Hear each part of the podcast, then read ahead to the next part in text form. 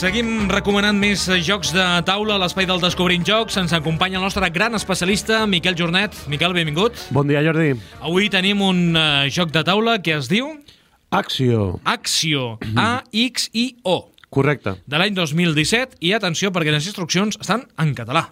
És una de les apostes de... No és molt habitual, això, eh? No, i que ho faci una editorial com Masqueoca, que, que, no, que no està aquí a Catalunya, eh, està a Madrid... I... El nom de Masqueoca és Mas del Juego de la Oca o... Crec que va per aquí, sí, Va sí, per aquí. sí, sí, però bueno, el Tu logo... seria ma- Mas que Monopoly, no? Sí, sí, el logo de Masqueoca és dels, dels, eh, dels més lletjots, eh, però bueno, que... Eh, que bueno, no, el, el que tenim aquí és la versió de Pegasus Spiele, però que és un joc que sabem que treu ja Masqueoca, i ens ha passat el reglament en català ja tra eh, traduït. No t'agrada el, el logo, dius, de Eh, Masqueoca? El logo, tothom, hi ha una Amics controvèrsia... de Masqueoca, No, no, o sigui, et diuen que és tan lleig que, que és perquè, per fer cridar l'atenció i, realment ho han aconseguit. La comunitat de jugadors ja... Mm, bueno, hi ha foros i foros que, que, que han parlat d'aquest logo. Acció és el joc que ens portes avui. Atenció, el nom de l'autor que ens sonarà i força. És eh, Reiner Nícia, el mestre, el matemàtic. Artista gràfic, Klaus Stefan, editor, Masqueoca, com hem dit, número de jugadors, de 2 a 4 jugadors, edat recomanable, a partir de 8 anys, temps de partida, 20-40 minuts aproximadament. mecànica del joc, És un joc de col·locació de rajoletes eminentment, però també de construcció de patrons i de gestió de mà. el preu, Surt per 29,99. ja podíem posar 30, no? Bueno, és, és el preu És el psicològic. màrqueting, el Sí, sí. màrqueting. Uh, nota mitjana, A la Board Game Geek té un 6 amb 7 i està a la posició 6.400 de, de tot, de, entre tots els jocs que s'han publicat, pues el 6.400. a qui agradarà aquest joc? Doncs mira, Jordi, agradarà a aquelles persones que han jugat al joc Azul, que ja Aquest va... joc que vas parlar aquí i vas posar una música azul, no? El Cristian Castro, sí, sí. Eh, que és, és un joc molt conegut ara mateix perquè és un joc abstracte però que ha guanyat l'Espiel des Jar. Pues si algú ha jugat a l'Azul i vol incorporar a la seva col·lecció un joc abstracte que també funciona molt i molt bé, aquest és Axio. Eh, és un joc d'aquells que treus si tothom que juga li acaba agradant i més, és una mica més tens que l'Azul, té més tensió al final de la partida. Eh, també aquells jugadors que alguna vegada han provat el Genial, que és el joc en el que s'inspira aquest Axio, del mateix eh, Reiner Nícia, i que encara tenien la tasca pendent de fer-se una, amb una còpia d'aquest Genial, doncs, potser és millor que incorporin aquest Axio perquè, segons nosaltres, eh, creiem que millora alguns aspectes del grandíssim Genial. Ara bé, si teniu ja el Genial a la vostra ludoteca, potser no cal. Acció, un brillant joc de col·locació de peces per 1 a 4 jugadors de 8 anys, a més de Reiner Nícia. Sí, sí. Uh, això és el que em toca llegir avui, eh? És molt avui és curtet. Sí, sí, sí, perquè És no... un resum titular, no? Del Sí, que, sí. Titular de Twitter del que ens has comentat. És que, de fet, el reglament que tu tens a la mà és un full per les dues cares i ja està, perquè el que és... És fàcil de jugar? Reiner Nícia sempre fa que els jocs siguin de reglament molt, molt senzills. El que passa és que després que siguin molt difícils de dominar, no? I aquest és el cas d'Axio, que està inspira... bueno, que és una reversió del Genial.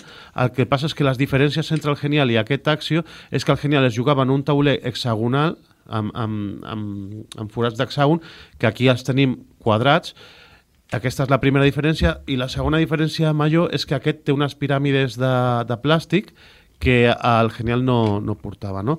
Aleshores, Com es juga, Miquel? com es juga? Tenim una bossa amb, amb peces, amb rajoletes que semblen de dominó, però que a cara i cara tenen eh, símbols de colors i de formes. Les formes les fan perquè els daltònics diferenciïn una mica, no? Tenim el vermell, el verd, el blau, el lila i el taronja.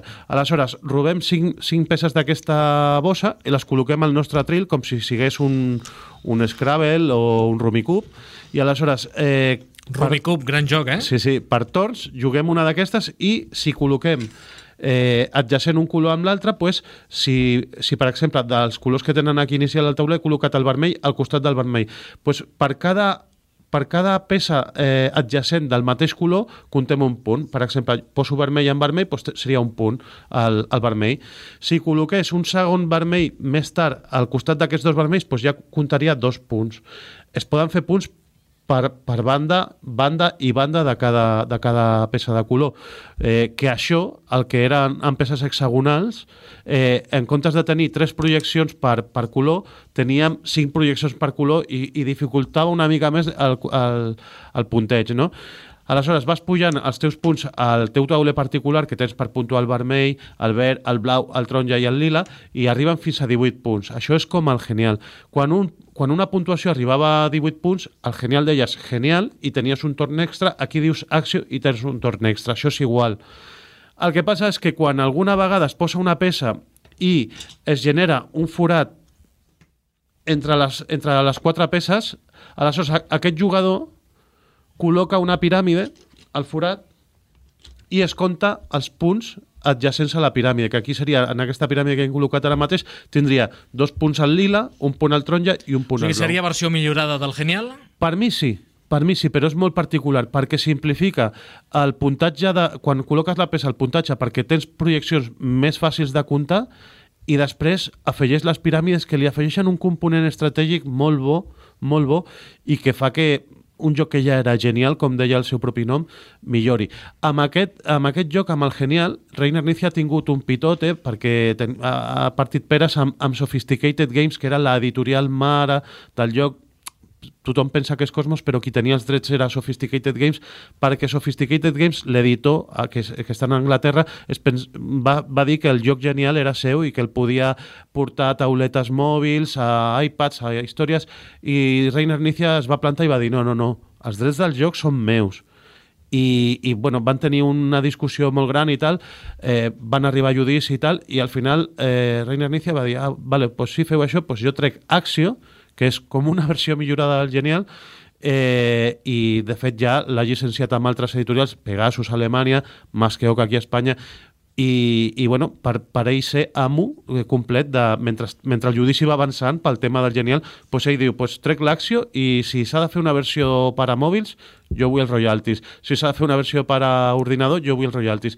I és un tio que controla molt el tema de les falsificacions que es, o les, mm, les imitacions que es fan a Xina dels seus jocs. eh, O sigui, passa molt temps eh, en temes O sigui, judicials. aquí també hi ha aquest mercat eh, paral·lel, no? Co correcte, sí, sí, és, perd molt el temps amb, amb això i molta gent li diu és que no treu jocs nous, sempre fa refritos, que diuen.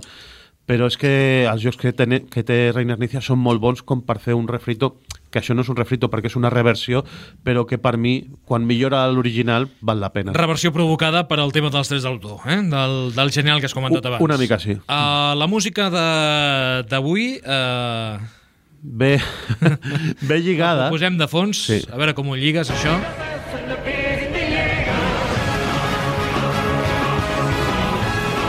Ataque de...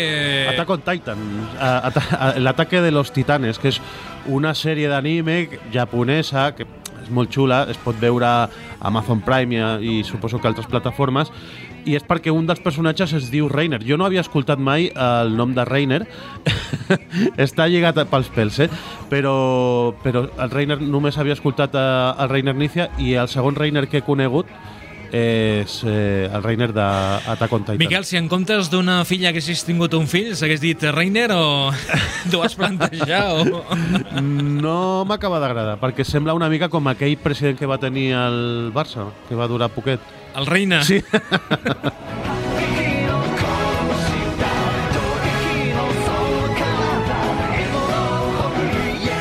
Doncs uh, Ataque a los Titanes, Attack of uh, Titan, uh, l'opening uh, d'aquesta sèrie, i l'has posat simplement perquè un dels personatges es diu Com el Reiner. Sí, com sí. el Reiner. Sí, sí.